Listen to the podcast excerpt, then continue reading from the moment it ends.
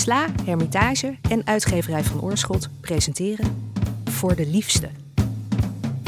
In deze podcast reageren vijf schrijvers op een liefdesverhaal uit de Russische literatuur, waarna ze in gesprek gaan met Ellen Dekvies.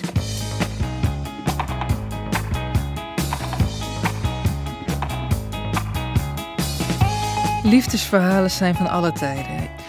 In deze aflevering reageert Asha Karami op het korte verhaal Het oversteken van de sproets van Isaac Babel, verschenen in de beroemde bundel Rode Ruiterij, gepubliceerd in 1924, waarin Babel vertelt over de Pools-Russische oorlog van 20, waarin hij als militair betrokken was.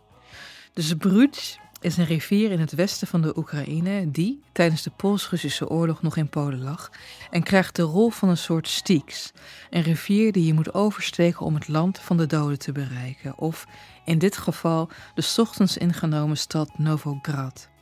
En zowel de anekdotiek als metaforiek in dit verhaal is ronduit luguber. De weg is aangelegd over, zo schrijft Babel, de beenderen van boeren en de zon rolt als een afgehouwen hoofd langs de hemel. De naamloze hoofdpersoon beschrijft het oversteken van de rivier. Overal ruikt het naar gedroogd bloed en gedode paarden en s'avonds bereikt het lever Novograd. Hij wordt ingekwartierd in een huis waar hij een kamer deelt met enkele Joden en een zwangere vrouw. Hij dommelt in, maar wordt door de vrouw gewekt omdat hij in zijn slaap het hele huis bij elkaar schreeuwt. Ze biedt aan om elders een slaapplek voor hem op te maken, want met zijn gevoel dreigt hij haar vader, die naast hem zit, weg te duwen. Als hij naar de man kijkt, blijkt deze een doorgesneden keel en een doormidden gehouden gezicht te hebben. Bloed rust in zijn baard, zo schrijft Babel, als een plak lood. Terwijl ze bezig is het bed op te maken, vertelt de vrouw dat de Polen haar vader hebben gekild. Vlak voor zijn dood smeekte hij de soldaten dat ze hem op het achterhoofd zouden vermoorden, zodat zijn zwangere dochter niet zou hoeven zien hoe hij stierf. De Polen luisterden daar niet naar en zo stierf de vader in dezelfde kamer als die waar de commandant nu in ligt. En dan besluit het verhaal onverwachts heldhaftig, want opeens zegt de vrouw, en ik gebruik hier de vertaling van Peter Zeeman, en nu wil ik wel eens weten, zei ze plotseling met vreselijke kracht, nu wil ik wel eens weten, waar ter wereld vind je nog zo'n vader als de mijne?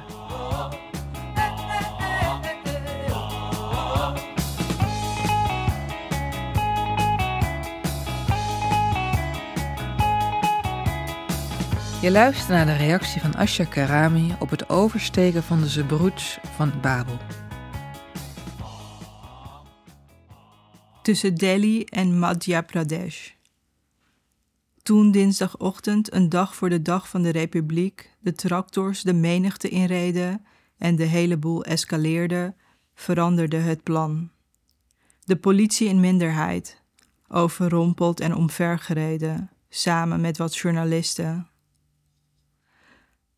Op hol geslagen tractors in het wrede hart van Delhi.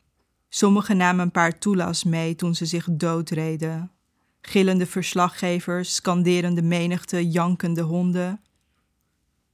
De politie had de mensen die te voet het centrum bestormden makkelijk kunnen tegenhouden, maar ze deden niets. Riekt naar setup, tweette Disha. De groep beklom uiteindelijk het Rode Fort, waande zich boven op de wereld en zwaaide met vlaggen op het dak. We kwamen een boodschap overbrengen aan Modi. Ons werk is gedaan, we gaan nu terug, riep Rashpal op NDTV.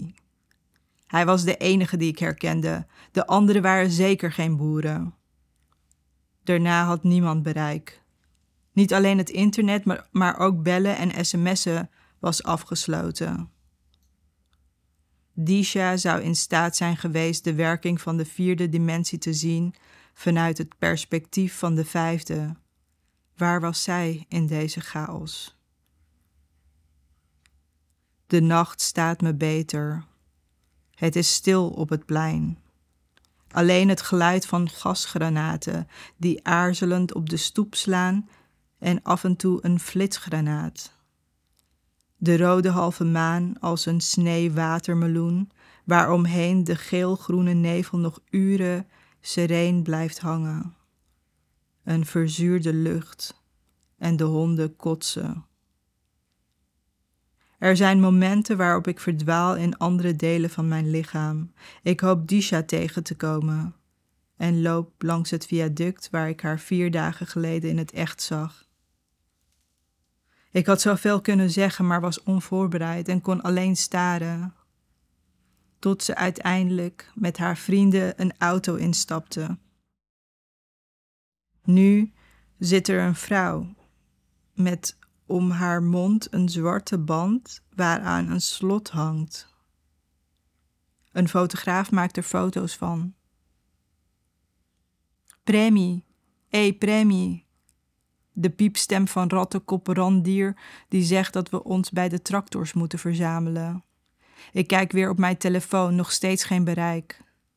Met een gaskater en pijn in mijn longen loop ik hem achterna in noordelijke richting. We bereiken snel zeven overvolle tractors. Een oude, ile Sardarji met bloeddoorlopen ogen wil met ons mee. Maar niemand kent hem en ze vertrouwen het niet. Als hij smekend een tractor op probeert te klimmen, trekt scheve Ishit hem eraf en dreigt. De man rent nog een paar honderd meter met de tractors mee. Een drone volgt onze bewegingen tot aan de poorten, waar een boer bosuitjes op een stuk grond naast de weg heeft geplant. We rijden weg van de stad door de verdorde onvruchtbaarheid. Ik hoef mijn ogen niet open te houden om het landschap te zien. Eenoogig Sahil vertelt in mijn oor dat het een lekker gevoel is bijna dood te gaan. En iets wat ik niet versta. In 2018 raakte Sahil blind aan een oog nadat hij was getroffen door een groene chemische stof.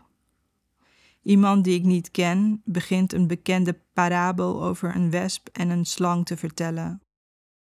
Toch luistert iedereen alsof het verhaal deze keer anders zou kunnen eindigen. Ik kijk niet op mijn telefoon om mijn batterij niet op te maken. Ik weet niet hoe lang we onderweg zijn als de tractors stoppen. Twee vrouwen in gele saris worden uit de tractor voor mij geholpen. Ze lopen dromerig richting hun dorp. Een paar jongens springen de tractors af om te plassen. Gouden balen hooi glanzen aan de horizon als de zon zich weer moedig achter ons laat zien in het noorden. Ik kijk op mijn telefoon, maar in deze regio is er nooit bereik. Dus ga ik naar mijn screenshots en bewaar de Instagram-foto's van Disha. Eén in lichtblauwe sari. Ik zoom in op haar blote buik. De volgende houdt zijn blaadje vast met Polluters Out. Ik zoom in op het kuiltje in haar kin. En de volgende met haar hond. Eh, Premi, wat kijk jij naar deze vieze? Zij wordt door Modalival betaald, zegt Rattenkop Randier. Heb je internet? Mag ik even? Ik steek mijn mobiel snel in mijn zak. Wacht, ik moet e eerst even plassen, zeg ik en stap uit. Terwijl zij voor Insta en tijdschriften poseert, zijn het wij die creperen, roept hij me na. En zachter, aan welke kant staat die jongen? Als iedereen aan boord is, rijden we verder. Mijn ademhaling nog oppervlakkig en pijnlijk. Scheve Ishit vertelt de anderen over zijn zus, die haar zelfmoord overleefde en het nu met een 60% verbrand lichaam moet doen. We rijden over de brug van Banda naar Chandla. De bijna opgedroogde kwartskleurige Ken Batwa stroomt tegen de oranje keienheuvels. Door politici gedoogde zandmafia's leidde de grijze morang in een boot. We zijn te moe en kreupel om ons ermee te bemoeien. Een paar kilometers na de rivier rijden we langs een vrouw die twee overvolle potten op haar hoofd balanceert en één in ieder hand. Ze loopt treuzelend over de gebarsten, opgedroogde aarde. Rattenkop Randy roept of ze hulp nodig heeft. Eén pot valt. Uilenzoon brult ze. Het water wordt opgezogen en kleurt de grond zwart. Tegen de avond komen we aan in Bondelgand met drie overgebleven tractors. Er wordt besloten hier te overnachten. Iemand heeft er een tante wonen. De tractors worden op de verharde weg achtergelaten en we gaan lopend verder. Achter twee uitgemergelde runderen ligt een man in licht gewaad, in het moederbruine veld. Eén knie gebogen en een arm over zijn gezicht. Het zou regenen die dag, maar die dag is al een paar dagen voorbij. Twee kinderen rennen door kaal geplukte katoenvelden. Als je kinderen leert praten, leer ze dan ook zwijgen, had Disha gepost. Dichter bij het huis ligt een dikke vrouw op de charpoy. Er hangt een melklucht. Vijf vrouwen hangen aan elkaars halzen, jammerend, monden vol katoen. Waar haal ik anderhalf lak vandaan? Die Haramzadeh had me net zo goed kunnen meenemen met hem, weent een van de vrouwen. Een man met tulband draait snel chapatis op een hete zwarte plaat. Hij draagt een ketting met mensenschedels. Een lichaam gewikkeld in ongebleekt katoen ligt naast hem. De zesde deze maand, zegt hij als hij me ziet kijken. Ik voel een kramp in mijn schouder. Ik ben over mijn honger heen en wil alleen maar even liggen. We wachten op de uitslag. Hopelijk krijgen we wat geld zodat we hem waardig kunnen cremeren, in plaats van in een gat in de grond gooien. Kun jij hem even binnenleggen? Ik sleep het lichaam, zwaarder dan ik dacht, naar binnen. De scherpe geur snijdt in mijn neus. Ik zie nog zo'n pakket liggen. Kokhalsend ga ik naar buiten. Ik treed de schaduw binnen van de boom waar de man zich aan opgehangen had en ga er liggen. Ik droom over Disha als jong meisje. Ze heeft kippenvoeten en staat in hoog wild gras een ijsje te eten. Ze begint te huilen, want haar ijsje raakt niet op. Het is te veel, ze wil niet meer, dus ik til haar op, waardoor een deel van haar ijsje op de grond valt. Nu hoop ik dat het haar blijer maakt, want dan hoeft ze minder te eten. Dan zie ik haar bebloede mond en bijtsporen op haar vingers. En laat ik haar vallen voor een hangende vogelverschrikker aan de boom. Een kokosnoothoofd en het lichaam rubber. Een geel-rood-groen gestreepte tulband valt iets over zijn ogen. Kletsnat en met stekende pijn in mijn kop word ik wakker. Waarom lig je nou in de zon te grillen? Je maakt de kippen bang. Een kinderstem. De zon staat meedogenloos hoog. Ik zie geen kippen. Een jong meisje heeft water over mij heen gegooid. Ze zijn al weg, je was niet wakker te krijgen, maar je kunt hier niet blijven, zegt het meisje. Mijn telefoon gaat over. Mijn moeder belt. Ik heb bereik. Ik druk het stil en kijk op Instagram en Twitter, maar zie geen nieuwe berichten van Disha. Dan valt hij uit en schuif ik mijn mobiel weer in mijn broekzak. Ik kom overeind zitten en kijk in de richting van het huis.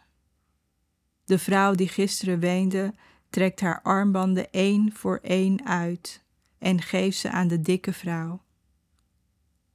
Daarna loopt ze via de zijkant van het huis, waar ze een jerrycan pakt, het veld op.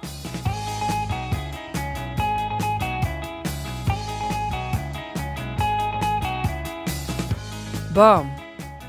Asja, welkom. Dankjewel. Dank je.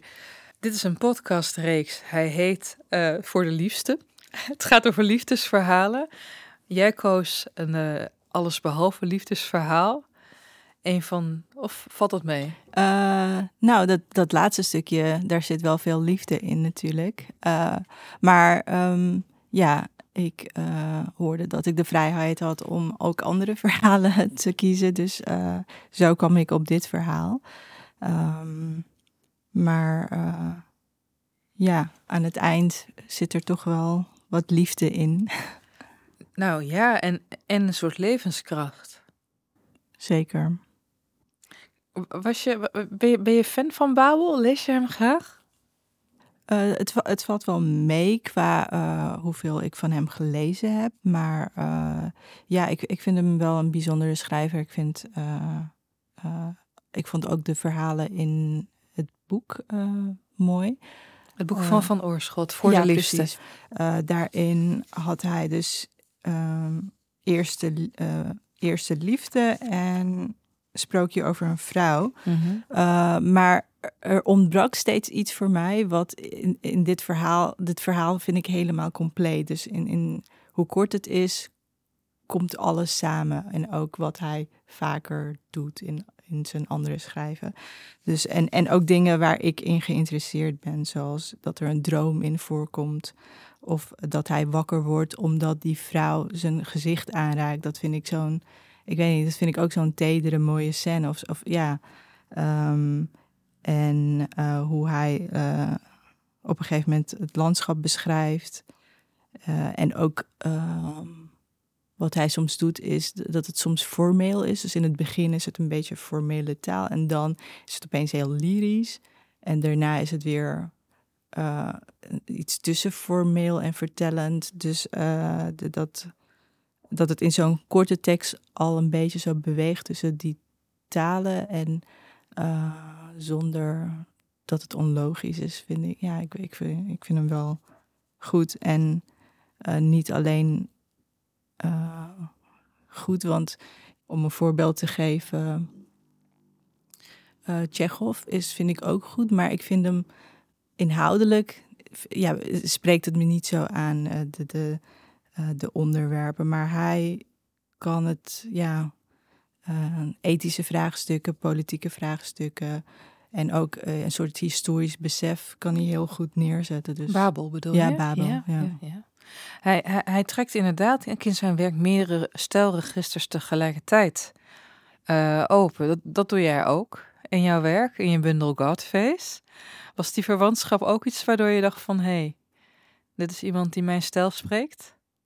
Ik denk dat ik er niet bewust over nadacht, maar omdat ik daarvan hou, omdat ik het zelf ook wel doe, uh, ja, trekken zulke schrijvers me gewoon een beetje natuurlijk. Uh, dus uh, als ik dan door zo'n bundel ga, denk ik van, wat heb ik nog meer gelezen? Ik heb geprobeerd om iets van Platonov te vinden, maar dat sloot net niet. Maar dit, hier staat gewoon alles in.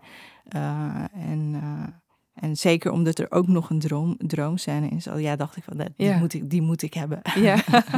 wat spreekt je zo aan in het zelfschrijven van droomscènes dan? Of wat spreekt je zo aan in de droom? Uh, ik denk, nou ja, wat hij doet, dus in het begin...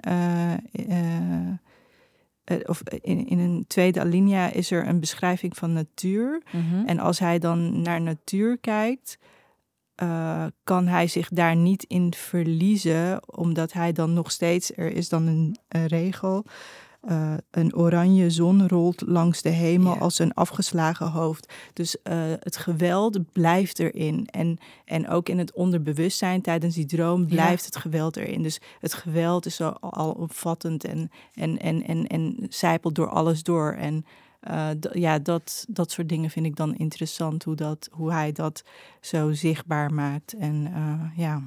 In jouw verhaal is het ook een droom. Met een heel mooi intrigerend beeld van een meisje dat begint te huilen omdat ze haar ijsje niet opkrijgt. Ja. Hoe kom je daarop?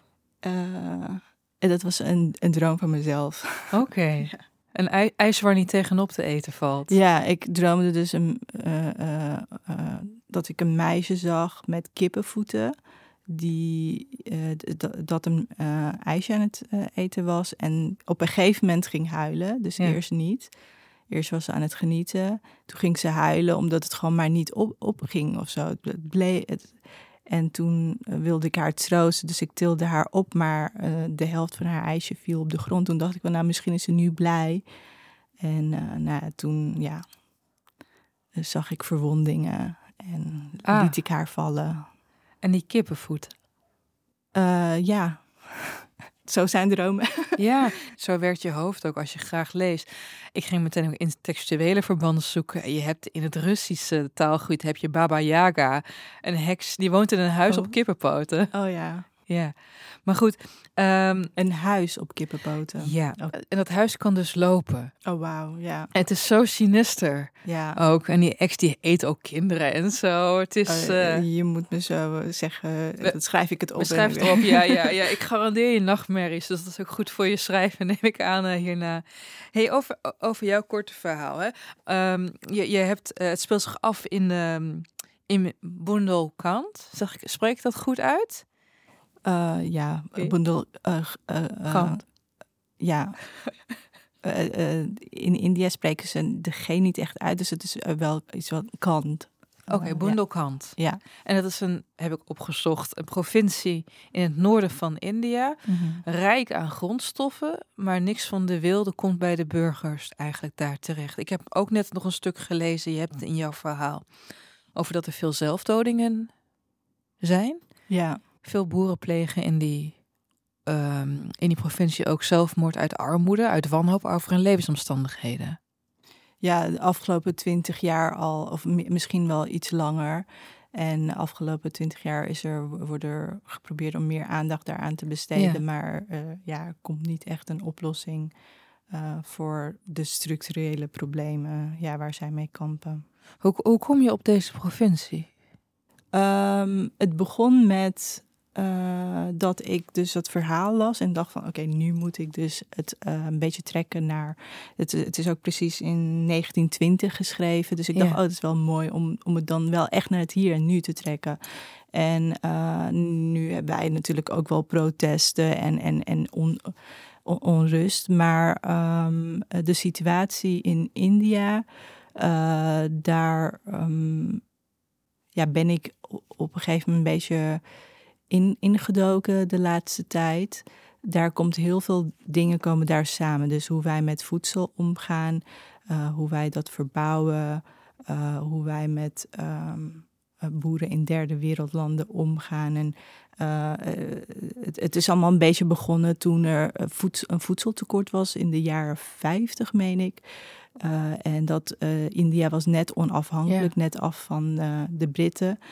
Maar ze kampten dus met een voedselprobleem. En toen hebben Amerikanen dus geholpen met het moderniseren ervan. Maar dan, toen kwamen de GMO's en heel veel chemische pesticiden en dat soort dingen. En toen is hun grond helemaal onbruikbaar. Veel van hun grond is onbruikbaar geworden om voedsel te groeien. Alleen graan en uh, rijst uh, kon mm -hmm. nog verbouwd worden. Dus het is een soort, uh, ja.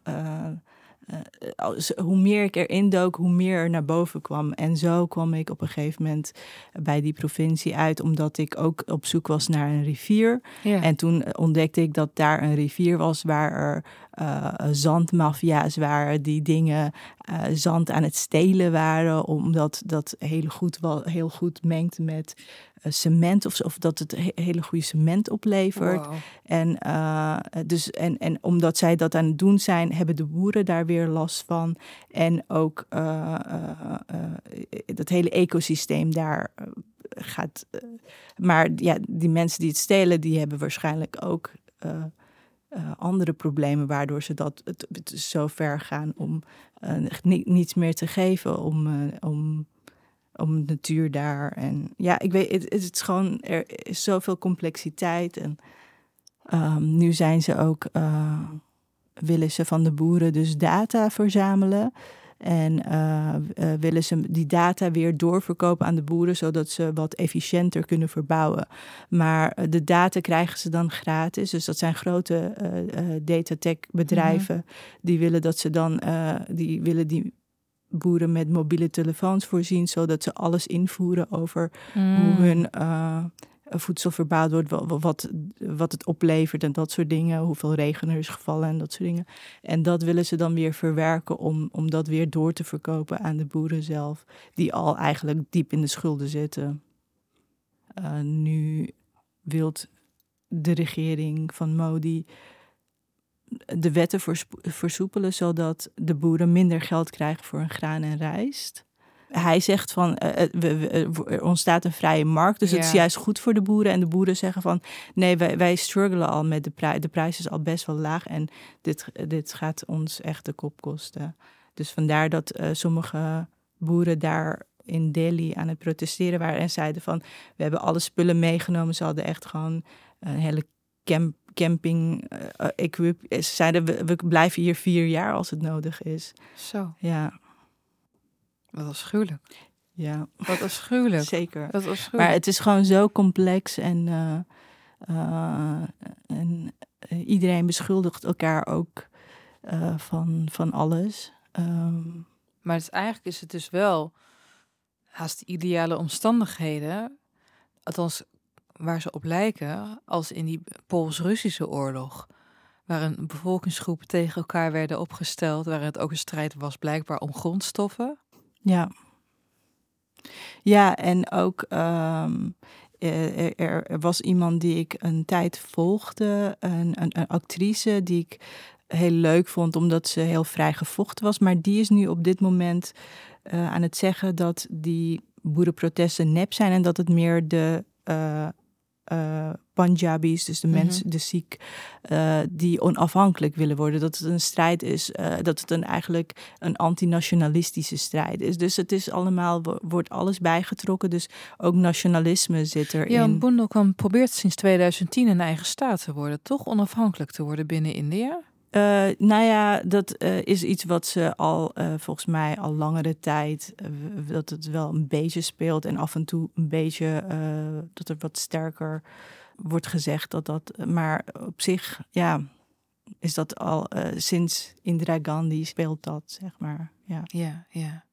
Eigenlijk toen, toen de rook aan het optrekken was van het onafhankelijk worden van Engeland.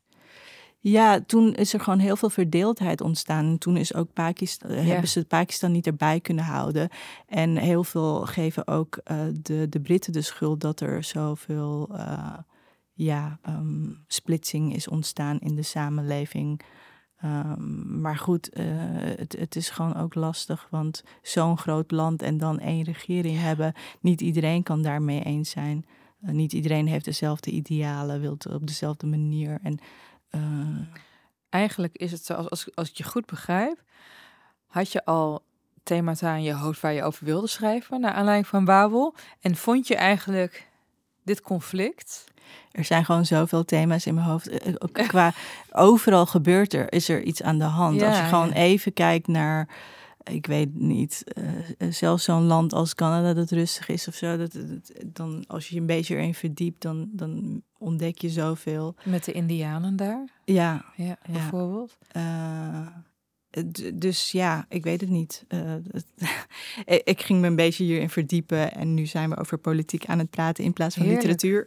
Maar dat is het eigenlijk toch ja, ook, hè? Dat is Babel ook, ja. ja. En wat ik mooi vind aan Babel, uh, dat hij, of uh, sowieso aan Russische schrijvers, is dat ze een soort grote wereld, dat, dat de wereld groter lijkt. Uh, misschien is het ook omdat het een groot land is. Maar uh, soms heb ik bij um, Nederlands literatuur dat ja. de wereld juist kleiner lijkt. Dat is het soort meer inzooming op heel regionaal. Of ja, en op spruitjes. Net of er andere, uh, andere, andere werelddelen niet bestaan of zijn bij. Uh, dit, uh, ook omdat het Oekraïne en dan de Joden en de Polen en dit en dat en uh, de Russen. Het is gewoon waar, voor mij waarachtiger schets of zo. Want, want daar draait het om in literatuur. Nee, nee. nee, zeker niet. Uh, je kan ook iets schrijven wat waarachtig klinkt en volledig absurd uh, op papier is gezet. Dus uh, het, het, is meer een gevoel van waarachtigheid. Dus niet per se. ja, en dat kan soms met inzoomen ook wel hoor. Dat is, ja. Maar uh, terug, terug, terug naar uh, de literatuur. Hè? Eigenlijk zeg je dat de, de wereld is zo enorm complex dat goed bedoelde overkoepelende ideeën wel verpletterd moeten worden door die wereld. Ja en, ja en nee of zo. Ik, ik weet, ja. Uh, um, een goed idee kan ook helemaal verkeerd uitpakken. En dat is ook wat die verhalen uh, laten zien. Dat is een verhaal van Platonov. Een kind kreeg op school een opdracht om te zeggen van... hoe ga jij je inzetten voor het volk of zo. Mm, mm, en toen ging... Uh, hij had net meegemaakt dat uh, ze, de koe was doodgegaan... waar hij heel veel om gaf. En de koe was doodgegaan omdat de jong van de koe te, vroeg was weggehaald en verkocht uh, voor geld. En, en de koe was te verdrietig en deed op een gegeven moment niks meer en stierf. En uh, hij schreef dus, uh, ja, we hebben die koe helemaal opgebruikt. Die gaf ons melk, werkte op het land. En uiteindelijk, die gaf ook ons zijn, haar zoon. En, en die hebben ook opgebruikt en uiteindelijk bleef er niks meer over. Uh, dat was dan zijn uh, antwoord op die vraag. Uh,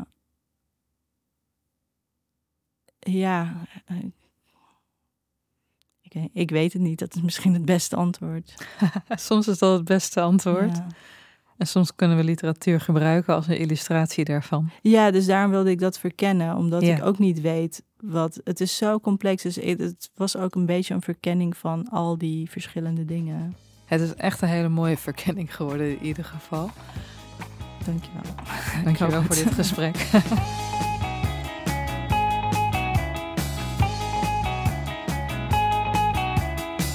Je luisterde naar de reactie van Asha Karami op het oversteken van de Zebroets van Babel.